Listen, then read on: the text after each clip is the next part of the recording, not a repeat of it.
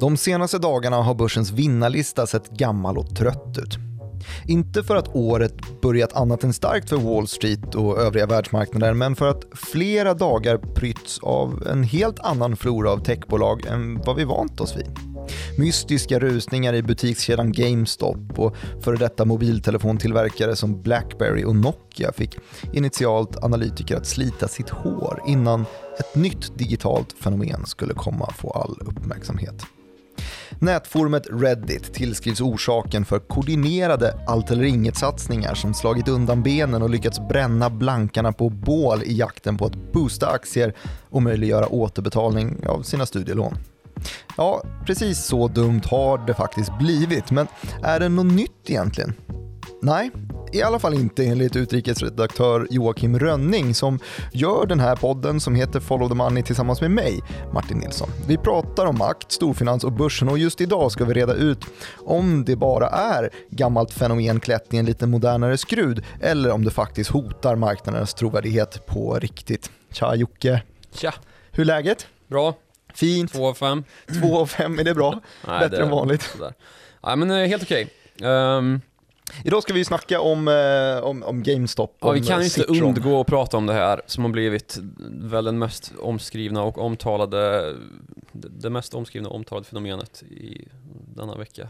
Ja, men det är ett roligt fenomen. Eller det, det har eh, perfekta komponenter för en rolig dramatik i alla fall. Mm, det är väldigt absurt eh, och stjärnorna har ju uppenbarligen ställt sig i, vad ska man säga, senigt för detta. Ja. Så att manipulationens finanshistoria, något sånt där kommer ju eh, rubriken för eh, avsnittet heta. Var ska man börja en sån där historia? Oj, du vill dra det tillbaka alltså? Ska vi inte, vi kanske borde börja med att förklara ändå vad det är som har hänt. Kul. Ja, Ja. det gör vi. Vi börjar i GameStop då, som ju är en eh, tv och datorspels butikskedja. Mm. Ganska starkt varumärke, har funnits ganska Ja. länge.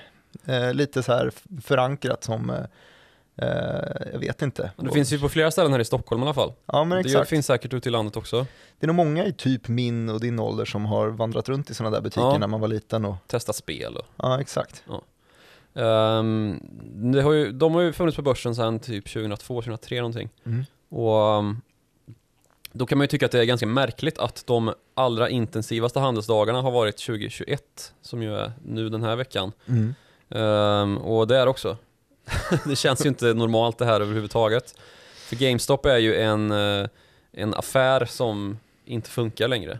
Ja, men exakt, det har ju varit sinnebilden för butiksdöden. Och Mm, butiksdöden precis. det är ju så pass uttjatat att det var liksom, det var redan innan pandemin så var det som kändes som ett uttjatat ämne. Ja, och den blev ju väldigt accelererad då just inom gaming eftersom att gaming sker på datorer och tv-spel som numera är uppkopplade mot olika typer av spelplattforms eh, upplägg där man ju köper spel som till exempel eh, vad heter det? Steam är ju ett sånt. Exakt, man gick från att när vi var mindre så köpte vi faktiska fysiska CD-skivor, eller disketter först kanske, sen CD-skivor och DVD-skivor som man stoppade alla in i. typer av kassetter man kunde köpa ju Det kunde man. Eh, där det fysiska spelet faktiskt låg och så installerade man därifrån. Men nu så är det ju så att bandbredden har tillåtit oss att faktiskt sköta allting över internet och det är Mm. fantastiskt mycket effektivare för spelbolagen, mycket högre marginaler på saker som att man bara kan Ctrl-C, Ctrl-V så har man ett nytt spel ungefär. Ja, Eh, istället för att faktiskt trycka ut eh, en, helt CD, en hel CD med etiketter och allt möjligt som ska ja, på. man behöver inte gå omvägen via en eh, butik som ju står och tar upp en massa plats och kostar Sprider pengar. pandemier och sånt där. Ja, typ. Mm. Ja, men eh, det har då blivit ett av amerikanska börsens populäraste blankningscase då, den här kursdalande eh, lilla historien som heter GameStop. Mm. Och ehm, av rätt vettiga skäl som vi har gått igenom här också såklart. Och samtidigt så har det ju ett, ett varumärke som är ganska internetnära ju. Mm. Och många som sagt kanske har en eh, lite, ja men har, har trevliga minnen från GameStop och sådär. så, och som sagt, väldigt välkänt varumärke som man ser i gallerier och sådär. Mm. Eh, Så när den här, det här blankningscaset liksom uppmärksammades igen här för några veckor sedan av Citron Research som vi har pratat om i ett tidigare avsnitt som heter någonting med blankar, eh, All åt, makt åt all blank- makt åt blankarna, vår befriare, heter det väl? Ja, jag tror det. Ehm, då blankar maffian vår befriare. Mm. Ja. Det är ju då en av de allra främsta blankningsspecialisterna som finns där ute. En eh, researchfirma som ja, letar efter fundamentala faktorer som gör att en aktie är övervärderad i princip. Mm. Och den här firman leds då av en herre som heter Andrew Left. Och han har då lyft fram att den här aktien verkligen är övervärderad eh, och har fortsatt med det. Eh, och han fick ju på nöten då när en kille som heter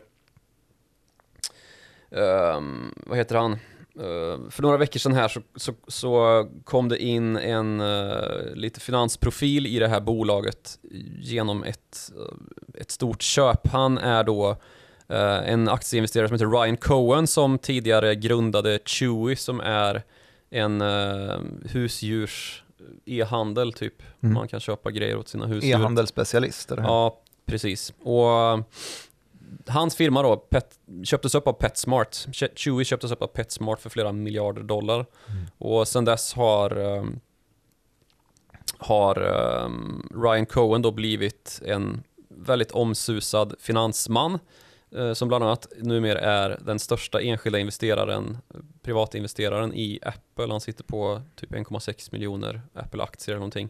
Mm.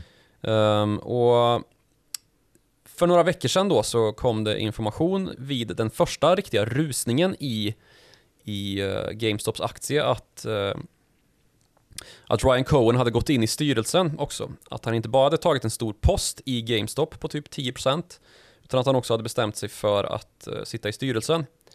Vilket då tolkades väldigt positivt av eh, investerarkollektivet och där såg vi ju en riktig sån här blankarbränning, Mm. så kallad short squeeze då när eh, investerare som har bettat på att aktien ska gå ner plötsligt tvingas köpa tillbaks aktien då, för då har man ju köpt aktier, sålt dem, eller man ska säga, man har lånat aktier, sålt dem och sen så tvingas man då köpa tillbaks aktien när aktien går upp istället för ner och för att inte riskera att portföljen kollapsar. Och sen så händer ju nästa steg i den här kedjan då när eh, det lilla subforumet på Reddit som kallas WSB, alltså Wall Street Bets, gav sig på det här caset. Ja, och det blev ju lite av en perfekt storm kan man väl säga. Att eh, det var, dels så fanns det ju den här, det här ja, men, nostalgiska faktorn att det var ett, eh, ett, ett varumärke som man känner igen. Eh, det dels har vi ehm, sett då att det har varit, kommit ganska många nya till börsen i just den här Reddit-användande åldern på något sätt. Så att det var liksom, det fanns, ehm, forumet hade, hade växt väldigt, väldigt snabbt innan, eh, får Ja. man väl säga. Det det, dit jag ville komma. Ja, de har 2,1 miljoner följare nu på det här Ja, exakt. WSB-forumet. och eh, Reddit i stort är ju sannolikt världens största forum. eh, Ja. över, om vi ska förklara Reddit för de som inte vet så är det ju typ ett... ja, ja, jag skrev det som att jag förklarade en, en korsning mellan Flashback och familjeliv ungefär. Ja. Liksom stor nypa Ja, eh, internetkultur och Mm. eh, varierande kvalitet på diskussionerna. ja, verkligen. Ehm, Men högt och lågt är det. Verkligen. Eh, och där såg man ju då, man så, hade först sett då alltså att eh, GameStop som har gått otroligt dåligt sedan typ toppen, senaste toppen 2015 kanske, sånt där, har bara dalat och dalat och dalat och blankarna har eh, hopat sig i Mm. aktien. Och sen så fick man ju då den här vändningen där, vad hette han, eh, Chewy, grundaren, jag är ju så dålig på namn, Mm, han heter Ryan Cohen. Ryan Cohen, exakt. Han tar plats i det här och man tror att han kan vara lite frälsaren i att han har så stor erfarenhet av just e-handel och man tänker att ah, han kanske kan göra GameStop till eh, en e-handelsjätte istället och förvandla det här varumärket från de fysiska för, eh, butikerna till någonting annat. Det är då förhoppningen i caset. Mm. Kursen rusar och där kommer då eh, blankarnas blankare Andrew Left, chefen för Citron Research, eh, som ju, vi har ju pratat om honom tidigare, att han gjorde sig ett jäkla namn när han var del av nyckelavslöjandet i Valiant, eller hur? Mm, den, hela stora den blankningen, en av Kanadabörsens största bolag då, inte längre. Ehm, och eh, då blir det ju liksom som en liten fight här. Vi har i Ja. ena hörnan har vi Wall Street Bets Reddit-användarna Eh, och i andra hörnan har vi gammelanalytiken Citron istället. Ja, precis. Och det här, alltså man pratar ju ofta om blankar attacker då mot vissa enskilda aktier. Det har vi ju liksom kunnat skriva ut även här på våran börsredaktion vad det gäller typ att en Muddy Waters går in i och blankar Telia till exempel. Just det, det var jättestort ja. Um, och flyttar kursen ganska mycket då. Just för att man uh, gör sin research och sen så hittar man då att ja, den här aktien är ju felvärderad, den ska ju ner si och så mycket och så börjar man blanka då genom att låna aktier, sälja dem och sen anta att man kan köpa tillbaka dem för en billigare penning och tjäna mellanskillnaden. Mm. Um, och nu har det ju bildats två väldigt tydliga läger som du beskrev och det har ju utbrutit lite grann av ett krig för Andrew Left blir ju ett hot mot en fortsatt uppgång i uh, GameStop-aktien. Mm. Och det har ju inte liksom Reddit-pöbeln varit sen på att uh, ja, beakta. Så Andrew Left har ju, och Citron Research har ju fått uh, sina fiskar varma på internet. Och um, nu senast här under helgen så, så gick eh, Andrew Left ut och sa att nu får vi faktiskt ta och vända den här aktien ryggen. För det har blivit för intensivt. Mm. Och det var ju dels, han, han nämnde ju till och med att det skulle ha förekommit någon form av hackerattack mot eh, Citrons sociala mm. mediekonton, vet inte sanningshalten i det. Eh, men det har ju varit verkligen, alltså memesen, internetkulturen har ju verkligen greppa tag om hela den här historien, kalla det för liksom en, en fight, det goda mot det onda eh, på något sätt. Men ja. en viktig del i det här är att det som lyfts gång på gång i de här eh, forumen på Reddit är ju just att nu klämmer vi fast dem för att nu kan vi eh, framkalla en egen short squeeze. Mm. Så det, ju, det, blir ju liksom en koordinerad eh, ansats då och sen så i grunden för den här så vilar det ju alltid någon typ av vad man på forumet kallar för en analys som ju inte är särskilt liksom, grundad i verkligheten. Um, nu är inte GameStop det enda bolaget längre som är håsat på det här Reddit-forumet utan även här i Norden så har vi ju fått Nokia att skriva om mm. och prata om och se kursreaktioner som inte riktigt går att basera på fundamental verklighet eller ett nyhetsflöde kring, kring liksom saker som händer i och runt bolaget egentligen. Mm. Eh, visst, vissa liksom kurshöjningar hos en del, alltså eh, riktkurshöjningar då hos en del banker här under de senaste dagarna, men det är ju inte liksom någonting som ska flytta kursen i gamla anrika Nokias aktie särskilt många procent. Och i, på måndagen i den här veckan då så var aktien upp med 13% och i talande stund här på tisdagen, vi släpper ju det här på onsdagar, så är aktien upp med ytterligare typ 10%. Mm, ja men det är inte rörelser man ser i riktkursförändringar. Nej, och, och den analysen som vilar till grund för det då, eller det finns ju flera numera, men en av de analyserna tar ju fasta vid någon typ av så här mobiltelefon-case fortfarande och Nokia tillverkar ju inte mobiltelefoner längre. Det känns ju lite av, avkopplat ja, från verkligheten man, där. Man har ju vissa intäkter på licens då för att man, man via en uh, entreprenör har fortfarande tillverkning av telefoner som kallas för Nokia, som är brandade med Nokia. Mm. Men det är ju en ytterst liten del av den totala affären. Det, det här är ju liksom ett bolag som numera uteslutande tillverkar telekomnätsutrustning, precis som Ericsson och Huawei som mm. vi har Men det är väl ett ty typexempel på att börsen på kort sikt inte handlar om ekonomi utan att Nej, det här har ju blivit liksom ja. Eh, det yttersta av Wall Street-kasinots eh, liksom, eh, stormtrupp mm. på Reddit. Hörru, vi körde faktiskt inte slut eh, till eh, historien om GameStop. Vi, gick bara, vi berättade bara att Blanka-firman gick in, ja. att det blev en fight däremellan, men vad hände med kursen efteråt? Ja men kursen har ju bara handlats upp liksom. Det har ju varit totalt kaos i den här aktien och den har ju gått från kurser under 20 dollar till att uh, i början på veckan här då handlas under en extremt intensiv session uh, där den toppade på 150 dollar. Och då har Citron Research alltså gått ut och sagt att den här aktien ska, kommer snabbt falla ner till 20 dollar igen.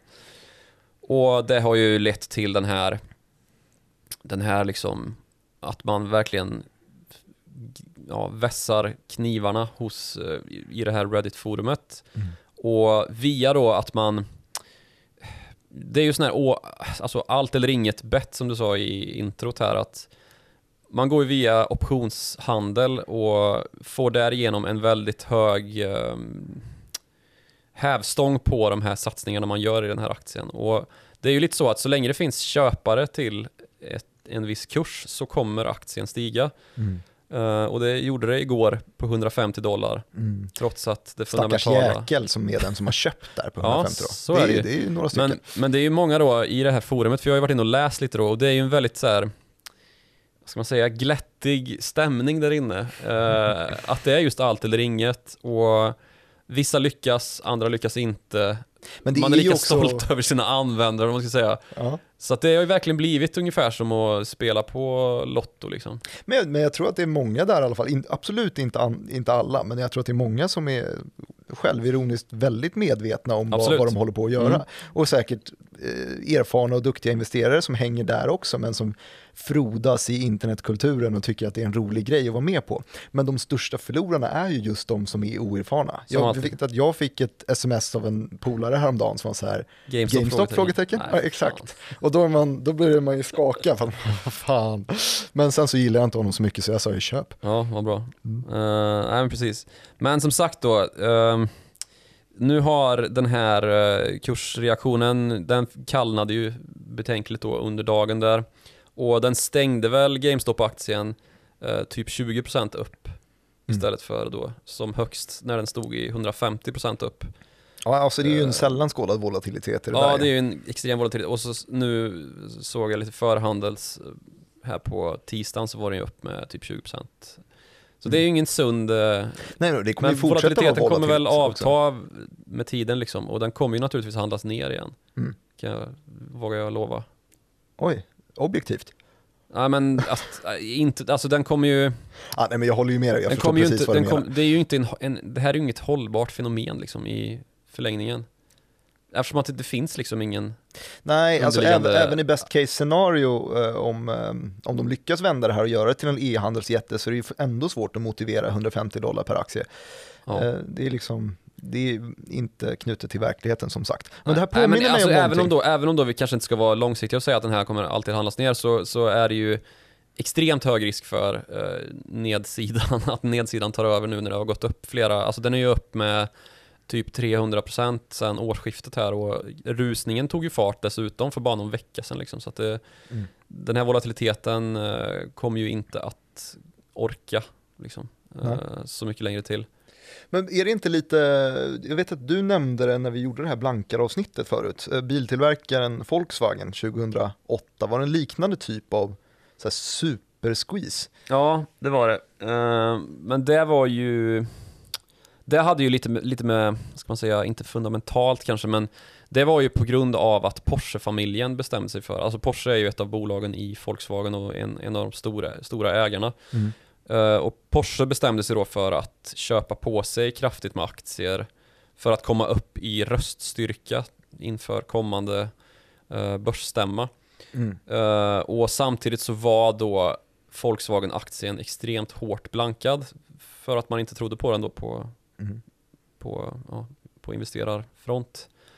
Eh, så Så att det var samma typ av krafter Ja, i aktien men det var var det inte samma motiv kanske? nej, inte samma motiv, utan Porsche då var ju en storägare. Det här är ju någon som kommer in från sidan och liksom attackerar Mm. aktien. Alltså, man brukar ju tycka att det är spektakulärt liksom när en blanka firma kommer in, men det här har ju blivit en attack på en attackerande part liksom. Exakt. att eh, Reddit-användare då kommer in och eh, attackerar en blankarfirma som attackerar en aktie.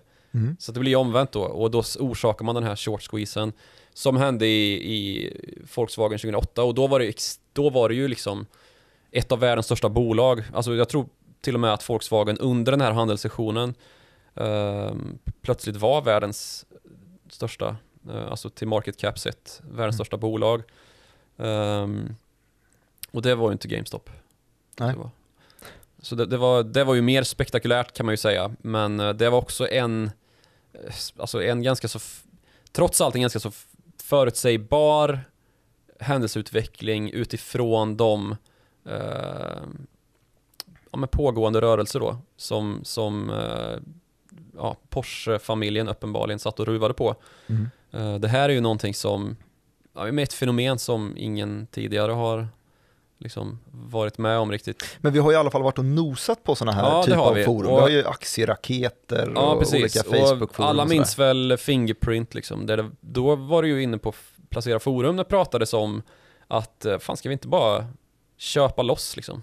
No Mm. limit och bränna blankarna för Fingerprint var ju också då en väldigt hårt blankad aktie. Mm.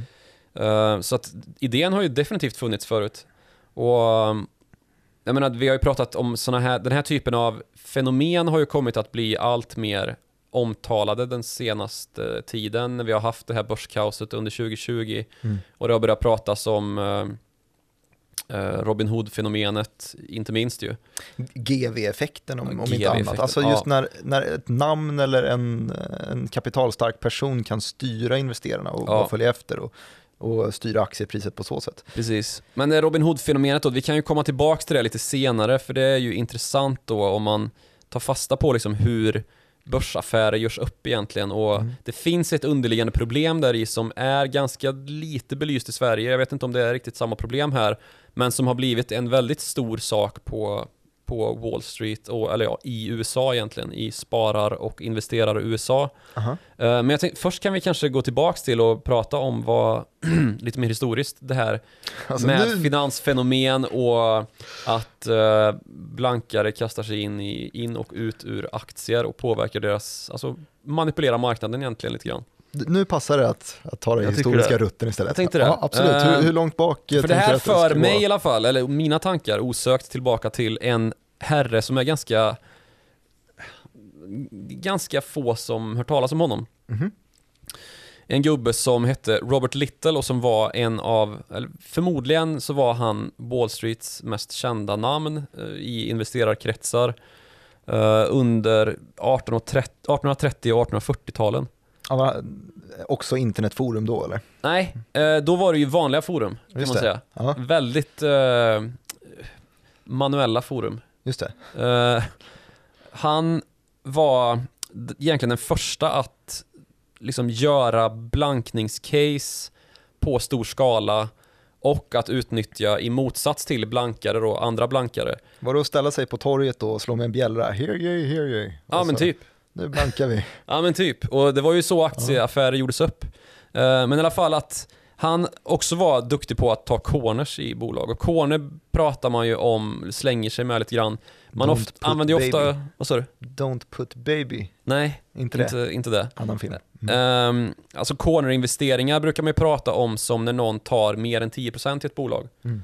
Eh, för det innebär ju då att ingen kan komma in från sidan och köpa upp en and, alltså som medför att eh, det blir tvångsinlösen av resterande del av bolaget. Just det. Ehm, så säg typ att Tele2 skulle bestämma sig för att köpa upp Telia. Mm. Har man kommit upp i en ägarandel då via marknaden och ja, vid sidan av marknaden eh, om 90% av aktierna i Telia, då påkallas tvångsinlösen. Så om du då går in i ett bolag eh, med mer än 10% eh, och köper mer än 10% av aktierna, då kan du ju liksom styra bolagets framtid eh, i viss mån då genom att det inte kan bli utköpt från börsen, inte kan bli uppköpt och taget. Och det här har ju faktiskt reglerats lite grann, eller i alla fall satt lite varningsflagg på från Finansinspektionen till exempel. Det rapporterar ju vi väldigt ofta om i alla fall, eller vi får en Mm. liten notis när vi sitter på börsdesken, eh, ett flaggningsmeddelande Precis. att nu har den här ägaren klivit över en 5%-gräns eller en 10%-gräns. Ja, och det finns ju olika liksom, ja, man har olika rätt då som olika stor bolagsägare kan man väl säga. Mm. Eh, För det krävs olika brytpunkter för att man ska kunna göra en del saker, som att ta ett bolag från börsen då till exempel. Så Robert Little eh, missbrukade det här, eller? Ja, kan man säga. Eh, Han var väldigt bra på det också. Och kom att bli väldigt, väldigt förmögen. Och det var ju därför han var så känd naturligtvis. Ehm, och han kom ju att liksom nyttja sin roll som orakel och till sist kunna liksom mer eller mindre helt manipulera och styra en del kursrörelser. Mm. Eh, lite som blankafirmorna gör idag kan man tänka sig. Eh, Mm. Som sagt, Barry, Wa- Murray Waters kom in i Telia och kursen rörde sig väldigt mycket. Hindenburg Research sänkte Nikola, tjänar Eh, precis. mycket pengar. Japp. Det Ehm, ligger ju i deras intresse att liksom sänka kursen och Ja. då tjänar man ju pengar. Det är ju då de tjänar pengar ja. Mm. Men sen så enligt vittnesmål då så var ju kanske Robert Littles intresse för sitt arbete lite osunt, Mhm. eller ganska mycket osunt. Eh, för han, blev, han var ju nästan maniskt liksom, beroende av att vara i marknaden hela tiden Mm. och stod nästan aldrig vid sidan som var lite liknande spelberoende eller för den delen liksom trading abstinens som ju kan uppstå Mm. eh, om, man, om man är lite för Ja, jag förstår honom, absolut. het i marknaden. Precis. Eh, men om vi ska liksom prata om den tidens eh, börshandel och ehm, Ja, hur gick det till då? Ja, precis. För det, det är ju då, då skedde ju allting på själva Wall Street. Mm. Eh, så liksom från det att Wall Street, som ju är en gata egentligen, men det man pratar om när man pratar om Wall Street är ju börshuset. Det var ju liksom en handelsplats för andra saker än aktier från början. Mhm.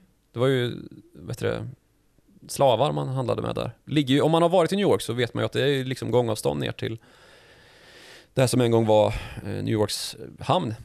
Ja, och där eh, Där kom det ju i land dem. massa Ja. slavar och så kunde man ju bara ja, få dem att trampa upp till handelshuset på Wall Street och så sålde man dem där. Mm. Men det här var väl eh, före Robert Littles Ja, tid? 1600-1700-talet var ju där då. Mhm. Eh, nu pratar vi 1800-tal för då kom ju det sedermera då när slaveriet uh, lades ner. Säger man? Lades ner. Ja, det men slutade slaveriet som att det förbjöds skulle ju. läggas Ja. ner i alla fall. Slaveriet förbjöds ju. Eh, och då tog ju då kom ju börsen att bli desto mer intressant för Wall Street som handelsplats. Mm. Och ehm, det har ju liksom varit en auktion, ak, eh, till större delen av tiden sedan dess ju. Mm. Att man då har, på Robert Littles tid på 1800-talet så var det ju två stycken handelssessioner som pågick. Eh, den första på förmiddagen och den andra på eftermiddagen. Aha. När man då ställde sig och ropade upp varje aktie, en auktionsförrättare som ropade upp varje aktie och eh, ja, precis som på liksom Emil är det de här galna stockfotobilderna som är väl kanske 15 år gamla som alltid cirkulerar när det är någon form av börsmani så ser man, inte just då från 1800-talet kanske, utan man ser ju från, eh, man ser att det är någon som står och så står det folk på marken och lyfter upp lappar och försöker skrika och Exakt, försöker få Ja. in sin, sin precis så. Aktie. Ehm, och alltså själva rollen som market maker, som det ju heter då, som, auktionsförrättaren är ju market makern då liksom, som Personen som möjliggör, står högst upp där och... ja, så den Ja. som möjliggör att en, en transaktion ska kunna genomföras. Den har ju inte förändrats. Det är ju samma liksom, princip för alltihopa, såklart. Jaha, så när jag lägger en order på Avanza så skickas det direkt till... Och skickas in i Ja, auktionen, Ja, precis. så står det någon gubbe där. Ja men så är det ju. Ehm, och sen så har det ju liksom fortsatt att centreras kring själva börsgolvet ganska så lång tid. Mm. Ehm, det är ju egentligen först nu som, som vi har kommit att ändra på det där. Så liksom börsgolvet som centrum för handel har ju överlevt liksom telegrafen och telefonen och även datorn för länge in på både liksom 90 och början på 00-talet så var ju ehm, börsgolvet liksom väldigt, väldigt ja, viktigt för Mm. börshandeln. Det är det ju inte längre. Det är allt färre på det här, alltså om man tittar på CNBCs sändningar till exempel så är det ju ganska glest befolkat nu.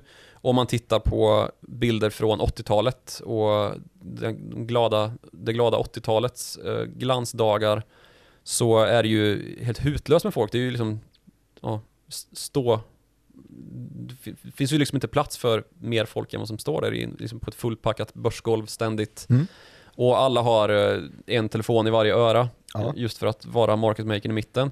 Ehm, det är ju först efter 2008 egentligen, som ju lustigt nog är det år när ja, men exakt. Man kan väl tänka sig att folk, folk ägde rum. Ja. IT-bubblan så stod fortfarande folk på golvet och skrek för internet Ja. var inte riktigt tillräckligt snabbt eller starkt eller pålitligt. Utan man ville sköta transaktionerna. Mycket Exakt. telefoner, tre, fyra stycken i varje öra. Eh, Men sen så blev det ju någon form av datorisering. Och det är ja, väl som den kom ju till slut. Ehm, men datoriseringen var ju ganska långt framskriden när, alltså LME då som är London Metal Exchange, Mhm. där man handlar råvaror, eller basmetaller framförallt. Uh, de har ju liksom nyss, de senaste veckorna kom det något pressmeddelande om att nej, vi lägger ner börsgolvet. Mm. Eh, Fasas ut. Ja, precis. Och då har man ju insett till slut då att eh, men det fyller ju ingen som helst funktion längre, utan allt sker ju i datorer. Ja.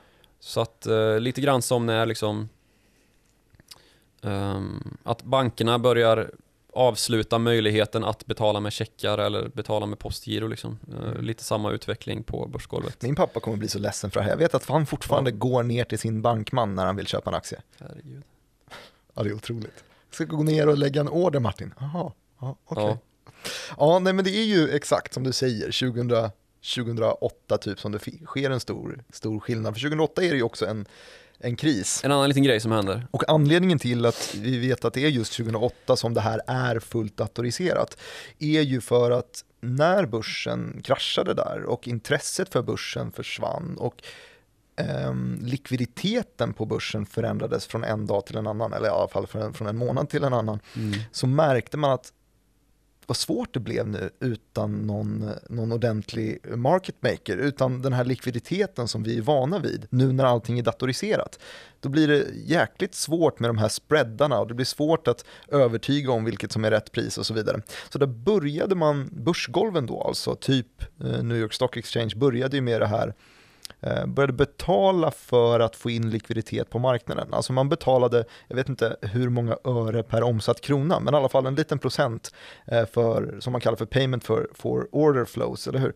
Eh, alltså att man, de vill hitta ett incitament för att skapa handel på börsgolvet. För pågår det handel hela tiden, då vågar fler handla. För att man vågar inte köpa en aktie om man inte vet om man kan sälja den sen. Så att man liksom mår bra av den här Nej, precis. likviditeten. Det här, det här har vi pratat mycket om även vid den här kris som vi, krisen som vi just har gått igenom. Ju, att det var ju precis det som hände på till exempel, framförallt egentligen på företagsobligationsmarknaden. Just det, när Sean George stod i studion här och vrålade, kreditmarknaden är trasig. Ja, precis. Mm. Uh, för att det helt enkelt inte fanns någon som varken köpte eller sälje, sålde liksom. Mm. Uh, det torkade upp, likviditeten torkade upp, det är det man brukar säga då. Uh, att det fanns inte pengar i marknaden helt enkelt. Det gick inte att sälja saker du hade köpt och det gick inte att köpa saker för ingen ville sälja. Mm. Så det, det kan ju inträffa i aktiemarknaden också och det var lite det som hände 2008 då. Mm. Att eh, som sagt, ingen var intresserad av att köpa aktier längre. När, liksom, när allting har kraschat så, så tappar man ju, tappar ju liksom marknaden det anseendet och det intresset då. Och um, då kom man ju med den här förnuftiga idén att uh, börja se över då om det fanns tekniska möjligheter att tillse att marknaden var likvid framöver. Och mm. Det, det har ju liksom inneburit då en robotisering och en automatisering av sådana här flöden. Mm. Och just att man kommer upp i tempo då med omsättningen och att likviditeten därigenom ström, dels strömmar mycket smidigare eh, och stimulerar då att folk har en högre trovärdighet till systemet som existerar. Men också då eh, att man har kommit på ja, innovativa lösningar på att tillse likviditeten och det här med Uh, payment for order flows är ju ett ypperligt exempel på och det har man ju också, just den här implementationen och de här åren är ju monumentala i förändringen. Och en, en sak som jag vet, jag kommer inte ihåg varifrån jag har den här statistiken och den är säkert fel, men att eh, snitttiden som man höll en aktie innan man sålde den, eller i alla fall ett värdepapper innan man sålde den, gick från eh, x antal veckor till x antal sekunder på mm på så här en 15 års tid eller sånt där. För att det var så stor del som bara sköttes i princip automatiskt av ja, men robothandel och automatiserad robothandel som eh, tjänade ören per transaktion. Och vi, vi har ju faktiskt flera incitament på sån här per transaktion. Kommer du ihåg eh, eh NGM eh, listade Quickbit som också har dykt upp lite, varit lite hetare det här bolaget eh, på senaste tiden efter eh, bitcoin-håsen. De handlar i någon form av kryptovaluta-lösning som de förser. Kryptofintech-bolaget. Kryptofintech-bolaget Quickbit, exakt. Mm. Det var ju otroligt, tyckte jag, spännande när de det lyftet att de hade tjänat så pass mycket pengar på sin omsättning och inte just omsättningen i bolaget utan omsättningen på börsen. För det visar sig att Quickbit och NGM intäktsdelar antalet affärer. Så att när Quickbit hade en spike under 2019 och väldigt många köpte och sålde, vi snackar alltså nivåer som eh, typ H&M handlades på för ett litet, litet NGM-bolag, alltså under en miljard i börsvärde.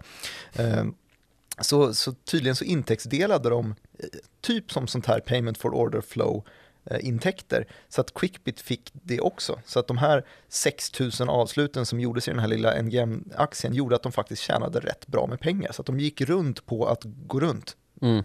Ja, det känns ju sunt. Ja, det är sunt. Uh, vet, du vem som, vet vem som uppfann det här med payment for order flow? Som vi, kanske ska, vi ska försöka... Är det Robert Little nu igen? Nej, Nej, det är inte. Bernie Madoff. Aha. Som ju är mest känd eh, för uh, sitt pyramid Ponzi-scheme. Han är ju Ponzi-schemarnas Ponzi-schemare.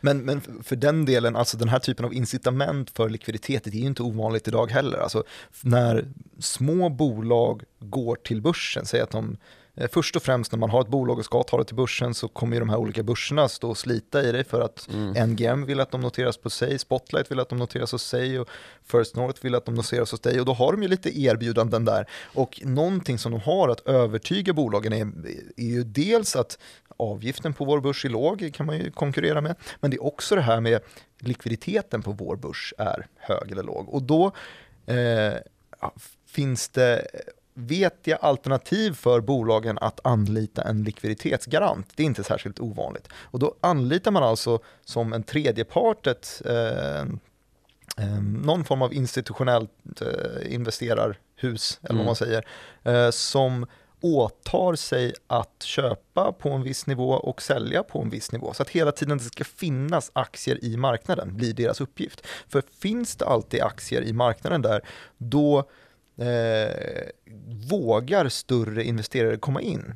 För att en, en fondförvaltare går inte in i en liten aktie om de inte också kan räkna ut och se hmm, hur lång tid kommer det, ta, Mm. ta, kommer det ta för mig att avveckla den här positionen och hur mycket kommer jag röra aktiekursen om jag tvingas sälja väldigt fort. Till exempel om jag får ett ordentligt utflöde som vid en pandemikris eller någonting Mm. eh, så måste man helt enkelt räkna på, kommer det här sänka hela aktiekursen eller hur funkar det? Och då funkar det bra att ha en liten likviditetsgarant där som ser till att det finns lite omsättning i aktien. Mm. Um, Ja, vad vi i börs- det här då? Börstech. Nej Ja. men eh, det här har ju också, alltså att vi har gått mot en högre grad av robothandel och det, alltså automatisering i själva marketmakandet eh, istället för att stå på börsgolvet och klubba aktier Mm. som under Robert Littles tid har ju medfört eh, en också då innovation ovanpå, i ett lager ovanpå det här. Eh, Mm. High frequency trading är ju en sån grej som jag vet att du ofta pratar om att vi borde göra ett avsnitt om. Mm, det är för svårt bara. Det är ju rätt. Det, Nej, men det, jag tror att det, det, det förklaras väl i alla fall bäst, eller folk blev varse att det var en grej. 2010 så var det en stor flash crash. ju. Ja, just det. Nej. Uh, tänkte vi skulle komma in på den. Ja. Bra, bra Kör. brygga. Ja, tack. Eh, för flashcrashen där 2010, 6 maj ägde den rum. Och det man pratar om då är alltså att Dow Jones, till exempel då om man nyttjar det som index, sjönk från 10 800 punkter till typ 10 000 punkter. Så det var en mastig krasch som ingen riktigt förstod. Vad är det som händer nu? Mm. Alltså i realtid då så bara sjönk och sjönk och sjönk. Vad, vad är det som händer? Det, det fanns liksom ingen, lite grann som med, eh, som man kanske tänkte när GameStop-aktien började Varför stiger den bara Ja, vad, är, vad är det som pågår liksom? Ja. Vem är det som köper, och, eller i Flash Crash-fallet, och vem är det som säljer Mm. på grund av vad? Det fanns lite oro då i marknaden på grund av att 2010 det var Greklands kris och liksom början på eurokrisen kan man säga. Mm. Men det var inte liksom fundamentalt för den amerikanska marknaden Exakt, på det varför sättet. skulle den börja liksom. i Dow Jones och varför, ja, Nej, precis. många frågor. Eh, och det som man väl har eh, liksom tillskrivit den här kraschen är väl det som vi senare skulle komma att kalla för spoofing. Mm. Eh, alltså att man utnyttjar sig av den här uh, numer robotiserade och digitaliserade marketmakern då, där vi på ena sidan har köparna och på den andra sidan har säljarna. Eh, genom att, man, att en investerare då går in och lägger eh, ordrar som den eh, inte tänker genomföra. Utan bara syftar till att eh, ja, man manipulera orderboken och få det att se ut som att det finns en efterfrågan på en viss tillgång som egentligen inte finns då utan som bara är till för att trycka upp priset och sen så vilar det ju naturligtvis en säljorder på andra sidan som då kan avslutas till ett högre värde än vad som eh, hade varit fallet annars. Är det det här som är enpetare också? Ja, precis. Det är ju exakt samma fenomen och det, på tal om Fingerprint så var ju det också någonting som, som blev väldigt aktuellt i och med att Fingerprint-aktien blev en av liksom hela Europas mest handlade aktier under, vad var det, 2015 15 typ? typ ja, Mm. 15-16 eller någonting. När då folk gick in och ja, men byggde orderbok just med en enda Men exakt, för att eh, priset bestäms ju av senaste avslutet, men det har Mm. ingenting med att göra hur många som avslutades vid det priset. Så det, alltså det, på tal om då att på Robert Littles tid, då fick man använda sitt liksom eh, sina pengar och sitt inflytande för att manipulera en aktiekurs. Nu räcker Mm. det med att du har liksom, vad kostar en, ett par Fingerprint-aktier? Eh, och problemet då under 2010 var att det här var inte förbjudet på något sätt. Mm. Det har man ju därefter tagit lärdom av då och eh, förbjudit. Men typ inte fällt någon för, eller? Nej, det är ju Eh, svårt att fälla folk, men det, det finns ju, det, det, är ju mycket, det är ofta en sån grej som det pratas om ehm, om man, i finansvärlden då, att, att det jagas enpetare, men det jagas inte sådana här gigantiska insynssälj, alltså att, det är omöjligt att, fälla insyns uh, insider-tradare helt enkelt. Ja, Eh, men exakt. Det finns ju många fall där det har varit väldigt tydligt. Ja, eh, och det sen pratas om att man... de inte i alla fall. Nej, det är bara Och just den magkänsla här enpetargrejen vet jag att Börspodden, så heter han Jo- John Skogman eller så. Han, han råkade ut, om det var för böter kanske i alla fall, eller det var i alla fall uppe i något avsnitt att han eh, fick lite skit för det. Sen vet jag inte om det faktiskt blev Börspodden har jag någonting. hört talas om. Aldrig talas om. Ah, okej. Nej, men ehm, ehm, som sagt då, att det finns liksom eh, innovation och det finns en uh, påhittighet runt det här med finans och att tjäna pengar är ju ganska givet. Mm. Och just, vi har redan förklarat lite grann payment for orders har vi slängt oss med. Vad är det för någonting egentligen? Jo, det är ju då när en uh, marknadsaktör då, eller en, en, en mäklare som till exempel eh, i USA då, Robinhood, Mm. som ju är en appmäklare som det pratas mycket om. Vi har ju redan sagt Robinhood-fenomenet. Mm. Och att de då med hjälp av gratis courtage har drivit upp volym i en del eh, aktier då. Och det här sätts ju naturligtvis i samband med eh, Reddit-fenomenet nu då, som om någon undrade om vi inte skulle prata mer om det, så skulle vi naturligtvis det.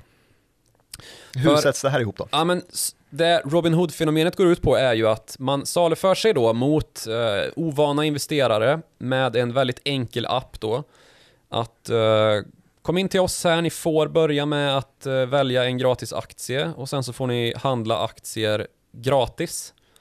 Och det är naturligtvis så att man får betala för aktierna, men det är då till skillnad från många av eh, de amerikanska konkurrenterna i alla fall i inledningsskedet då när Robinhood var nytt, gratis courtage. Alltså courtage är ju då avgiften man betalar för att handla med aktier. Det som gör att hela affärsmodellen brukar gå runt Ja, precis. Ehm, innan payment for order flows precis, kanske. och sen så kommer då payment for order flows in i bilden. Och Mm. jag kanske sa att det var uppfunnet av Bernie Madoff, det vet jag inte om det är riktigt. Men det är kommersialiserat på bred front i alla fall av Bernie Madoff en gång i tiden. Ja. Innan han blev Ponzi-kung. Ja. Eh, han var ju en, på något vis, seriös eh, finansman dessförinnan. Mm. Ehm, I alla fall, payment for order flow då, det är en affärsmodell som går ut på att um, Robinhood i det här fallet då skickar, eller förser, uh, säg Nasdaq, som ju är själva marknadsplatsen, alltså market makern, med en jävla, en jävla ström av eh, transaktionsförslag då, eller köp och säljförslag. De förser dem med likviditet. Ja, ordrar helt enkelt. Köp och säljordrar som eh, då kan nyttjas och matchas av själva Nasdaq Market Maker-funktionen då. Mm. Och det driver ju naturligtvis värde för Nasdaq att man kan vara en eh, marknadsplats som har hög volym och hög likviditet i sin, eh, sin marknad. Mm. Och då utgår det då en provision till Robinhood. På lite samma sätt som eh, Quickbit och NGM-delen Precis. eller? Ja, lite så. Och då kan man ju undra, men hur har Nasdaq råd med det här då? Att betala för alla ordrar? Det låter ju inte riktigt marknadsmässigt.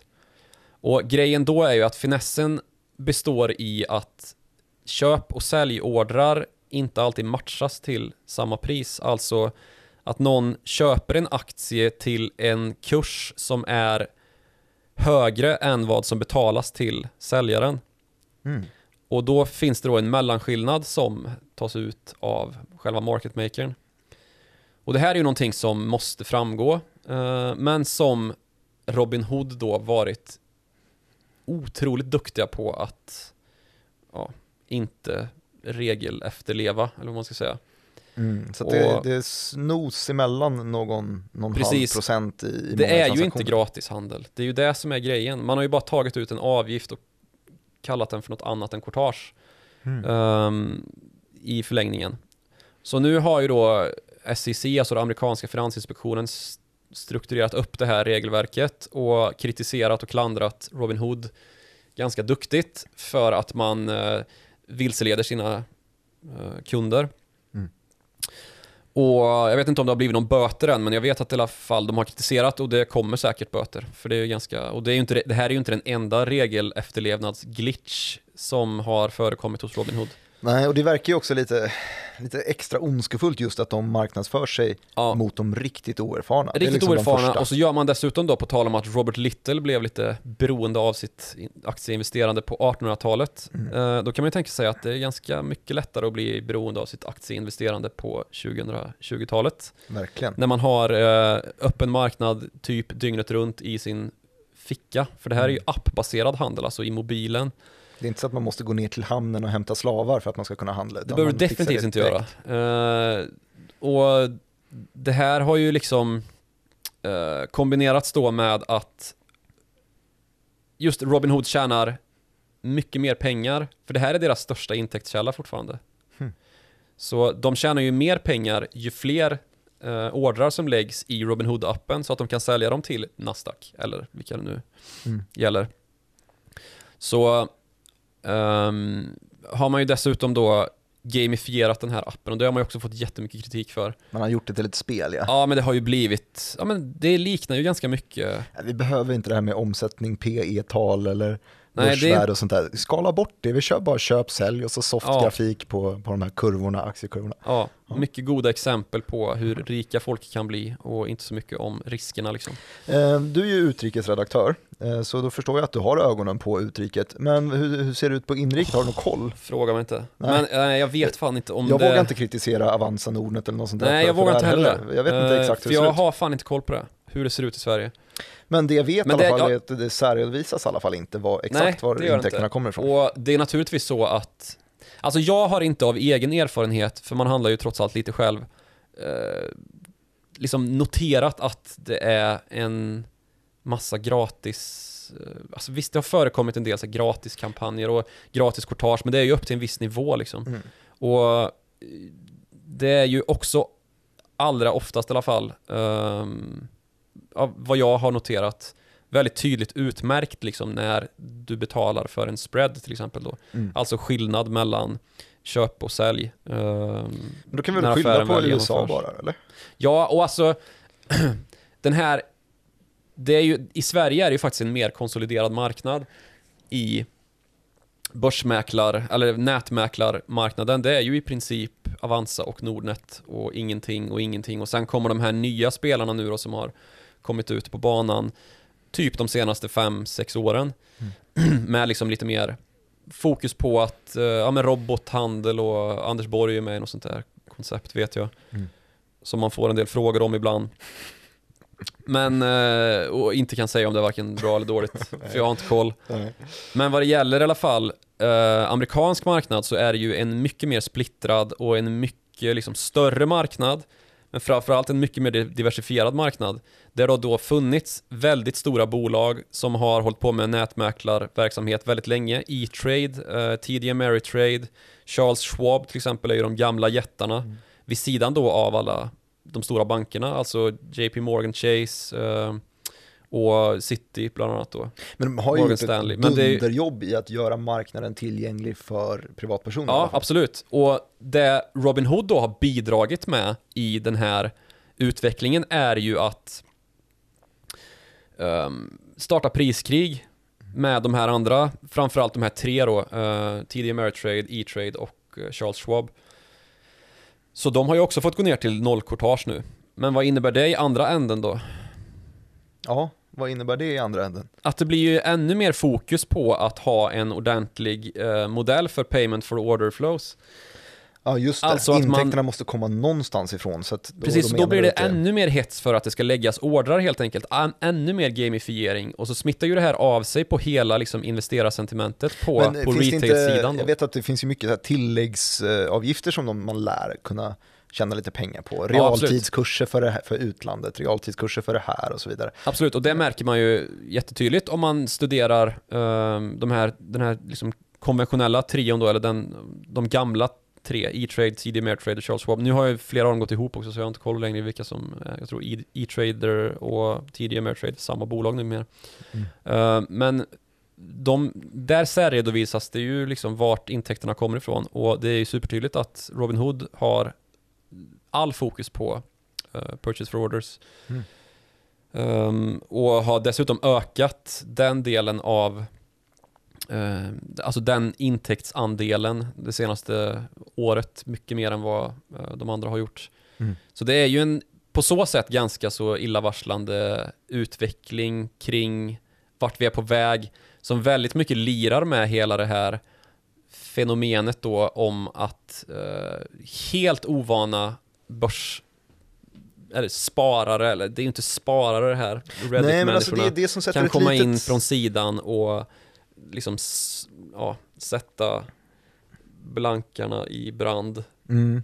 Ja, just det, det är det vi ska koppla ihop där och liksom till också. bli, Vi har ramlat in i, i high-tech istället. ja men det är ju Men jag tycker att det, intressantare. det, ja, det är intressant och ett problem som det hela tiden tas upp är liksom, varför, vad, vad är syftet med börsen från första början? Jo men det är ju för att kunna förse likviditet till, till eh, företag som behöver det och på så sätt på något sätt främja innovation Ja, och samtidigt göra så att folk kan, kan eh, investera sina pengar och tjäna pengar. inte att det ska vara ett kasino, det har, har vi andra.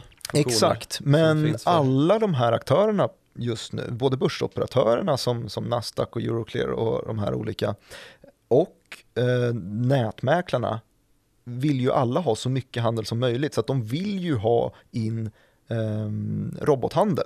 Och robot, extrem robothandel, högfrekvent robothandel är ju inte i sig, det tillför ju inte någon, någon särskild innovation. Det är bara i princip ett nollsummespel vem som köper och säljer snabbast. Vilket vi kan se på sådana här sjuka grejer som en flash crash 2010. Det har ju ingenting med realekonomin att göra egentligen. Även om folk trodde det när börsen Mm. eh, först eh, föll. Men det var ju algoritmer som krockade. Det, det har ju ingenting med, med, det är inte verklighetsförankrat. Och det driver ju framförallt inte innovation och det driver inte någon form av företagande framåt. Eh, Nej, det blir ju men- istället en manipulation som leder till att eh, fel bolag får tillgång till Exakt. kapitalmarknaden på ett sätt som de nog i verkligheten inte förtjänar liksom. Är, det det spåret vi ser nu? Ser vi att robothandeln vinner över, över mänsklig handel? Eh, Alltså om vi fortsätter det här resonemanget med att eh, den här fake-statistiken som jag kom med att eh, förr i tiden så var det snittholdingen på en och samma aktie var fyra veckor mellan köp och sälj och nu är det fyra sekunder mellan köp och sälj. Ja. Om det stämmer, är det, är det mer åt det hållet vi ska gå? Ehm, jag vet inte. Nähä? Men man kan i alla fall konstatera då, för jag äh, läste eh, en, en väldigt intressant hedgefondrapport som kommer ut varje år från ett finansdataföretag som heter LCH Investments som då gör en topp 20-rapport på världens eh, då, just då 20 största hedgefonder Mhm. sett till eh, hur mycket man har rakat in då från sina eh, ja, investeringar. Mhm. Och en väldigt eh, påtaglig variabel i årets rapport var att ett bolag som väldigt många har sett till som en liksom visionär och framtids eh, spelare inte finns kvar längre. Och det är då ett bolag som heter Renaissance Technology som eh, fokuserat på på kvantitativ trading. Och kvant kvantitativ trading, då handlar det ju om att man investerar eh, utifrån tekniska variabler, alltså tekniska, alltså man tittar på grafer och man ser efter mönster och eh, fattar sina beslut därifrån. Till skillnad då från att gå ut, utgå från fundamenta och trender i den verkliga världen så tittar man bara ner i grafen i princip. Just det, man tränar en dator att upptäcka mönster som kan leda till att en aktie går åt ett visst håll. Ja, Om man ser det. att, titta nu börjar volymen i Ericsson sticka uppåt men priset har inte riktigt stuckit uppåt. Då har roboten fattat det på någon millisekund och så är den där och så köper den en stor grej. Eller om, titta nu är Dow Jones på väg ner, då är robotarna där och har sålt allting och så är vi i en flash crash. Det. det. är den typen av beteende som Renaissance Tech eh, har jobbat med. Just det. Och um, det är ju... Alltså Renaissance Technology, man kan inte liksom underskatta dem. För det, det har varit en fond som har dragit in hutlösa summor under ganska tuffa perioder för väldigt många andra um, av de här hedgefond-spelarna. och de leds av en, ja, en väldigt aktad före detta kodknäckare vid NSA, alltså den amerikanska Mm. signalspaningsunderrättelsetjänsten som heter eh, Jim Simmons. Som var liksom en pionjär inom kvantitativ investeringsstrategi när han eh, påbörjade sin bana på, på Wall Street inom finans liksom. Mm. Och det här har varit katastrof ett katastrofalt år för honom. Är faktiskt Flera av hans, de, har- de, har ju, han, han, de har ju ett gäng fonder då, men eh, i helhet så har, jag, jag kommer inte ihåg det, men 25-30% så är, är liksom uh, Renaissance Technology ner under 2020. Ja, Då kan man ju fundera på, Alltså. Det är en riktig vändning. Från Ja. att jag, jag vet att jag blev lite rädd när jag fortfarande var i, eh, i skolan och pluggade. Och så skulle man i, slutet av, av masterutbildningen så skulle man hålla på och göra massa ansökningar till eh, häftiga bolag som man ville jobba på. Mm. Jag ville jobba på Goldman Sachs och JP Morgan och alla de här olika. Eh, Töntigt. Ja, lite töntigt. Och sen så visade det sig i min ansökning där, jag som trodde att jag hade valt helt rätt utbildning för att, för att jobba där, så var det högre efterfrågan på ingenjörer som kunde programmera Ja. än på ekonomer. Och det pratar lite om den här typen av utveckling. Och en bisyssla som man skulle kunna som, eh, som investmentbanker, det var liksom, ja du ska kunna programmera bra, kanske något lätt språk, programmera lite enkelt i, i Python och sen så eh, kan du lite enkel ekonometri och göra lite, lite kassaflödesanalyser, då är du sett, då är det bara att köra. Ja. Jag kunde ju ingenting av det där, då blev jag journalist. Trist. Är det därför du sitter där? Ja, fick vara med dig Du istället. kunde inte koda. Nej. Nej, men eh, då kan man ju fråga sig då, vad, vad kommer det här sig? Ja, ja. Nej, inte, inte, inte att du inte kan koda, Jaha, utan nej, vad okej, kommer jag, jag började gråta, det var tufft faktiskt. Ja. Eh, att, eh, att Renaissance Technology gick åt helvete under 2020. ja, det är en jäkla fråga. De, Ja. de glömde bort hur man kodade.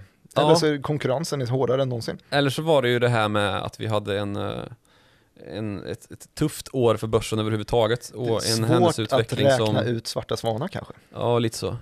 Om det nu är det. Men eh, Mm. det var i alla fall ett, ett händelseförlopp som var svårt att förutsäga utifrån ehm, mönster i grafer. Mm. om inte helt omöjligt. Och den risken är också kanske omöjlig att hedga sig mot, alltså uh, säkra upp sig mot. Och eh, då blev det plötsligt en uh, människans seger mot maskinen som uh, LCH Invest, ehm, alltså det här finansdataföretaget ehm, kallade det. En människans Men det är ju, det är ju lite maskinen. det vi har sett, alltså de gamla, det hade vi ju ett avsnitt om också, att de gamla, riktiga gammelekonomerna, de har inte haft några bra år. De som har jobbat med det här hur länge som helst Mm. eh, och värdeinvesterare, superduktiga på att läsa eh, årsredovisningar och, och bokslut och så vidare eh, och tolka siffror, de har gjort rätt dåligt ifrån sig. Ja, vet du vilka sen- som var allra sämst i, ehm, i kronor, eller i dollar snackar vi. Kronor och ören, dollar Nej, och cent. Nej, är det Madoff igen nu? Nej. Eh, det var Ray Dalio, Aha, ja men exakt. Som ju är här gubbe. världens mest kända hedgefond-mäklare. Mm. Och han blir slagen av, eh, av ja, men typ, typ som min kompis som frågar om man ska köpa eh, GameStop eller inte. Storstryk. Ja, storstryk. Jag gjorde Ja. 300% på Evolution. Jaha. Ja, precis. Nej, men, och det är ju då att vissa, jag tror i Ray Dalios fall så har det nog rört sig om att han har varit alldeles för likvid, alltså legat för nära penningmarknaden, Mm. haft en massa obligationsinnehav och lite grann väntat ut marknaden och trott att det ska ner. Eh, Men sen när det väl var på botten där i mars så ja, tyckte han fortfarande inte att det var ner tillräckligt mycket för att det skulle vara Men då är det väl det här köplägen. klassiska äh, gubbfällan att nej, men då köper jag det som jag vet funkar, industri och, Mm, och fordon och så vidare. precis, Medan det man skulle ha köpt Ja. var, var dataspel och eh, Tesla. precis. Så det, det som har gått, gått upp eh, mest är ju ehm, fonder som har fokuserat sig på tech-investeringar. Men ska vi skriva av 2020 som ett outlier-år då? tror du att 2021 kommer, kommer Warren Buffett och Ray Dalio komma tillbaka då? Jag tror ingenting. Det tror ingenting. En du neutral objektiv. bevakare. Vackert. Nej men ehm, ändå intressant ju att um, Renaissance Technology rasade ihop under Mm. fjolåret. Får vi se om de gör en återhämtning här. Men vi kan ju sätta en liten not i kalendern så kan du få berätta hur, hur det går om ett år Ja men visst, det kan vi göra. eh, för, för motsvarande renässans. Låter spännande.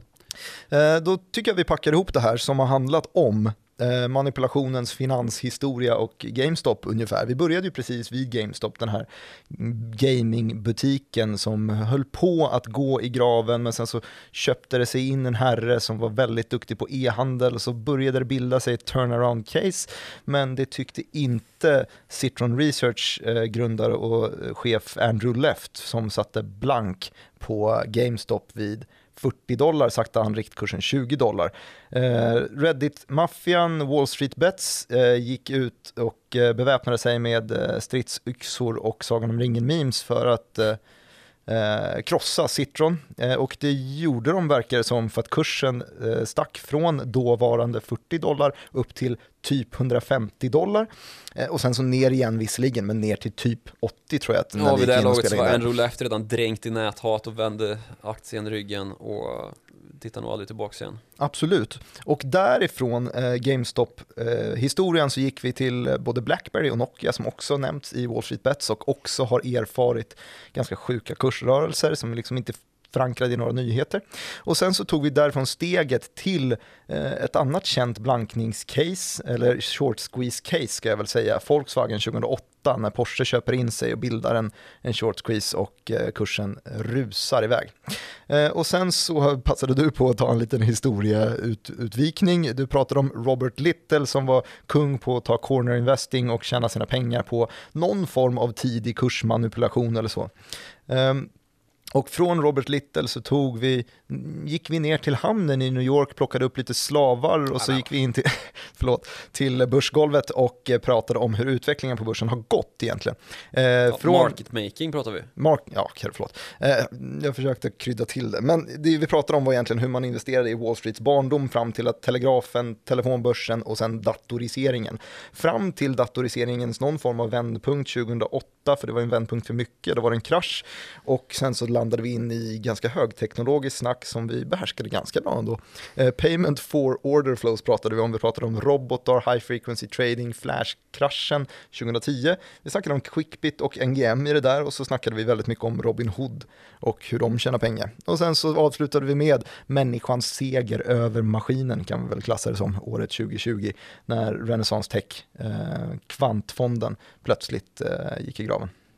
Nej, Nej, nej inte Gick- graven. nej men Gick gick dåligt då. Ja. Gick jävligt dåligt. Ja, Jag hade hyfsat flow i den där åter Ja, hur Eh, lång den var? Nej, tack. Eh, du får eh, gärna nämna vilken mailadress vi har för våra lyssnare. Follow the money snabel direkt.se. Det stämmer, dit kan man skriva. Välkomna att höra av er. Ver- verkligen. Och så får ni gärna tagga in oss på Twitter och ställa frågor och synpunkter om vad vi säger och så vidare. På Twitter så heter jag direkt Martin och du heter snabel Joakim Ronning. Bra. Tack så mycket för att ni lyssnade på dagens avsnitt. Ha det så fint. Hej! Hej.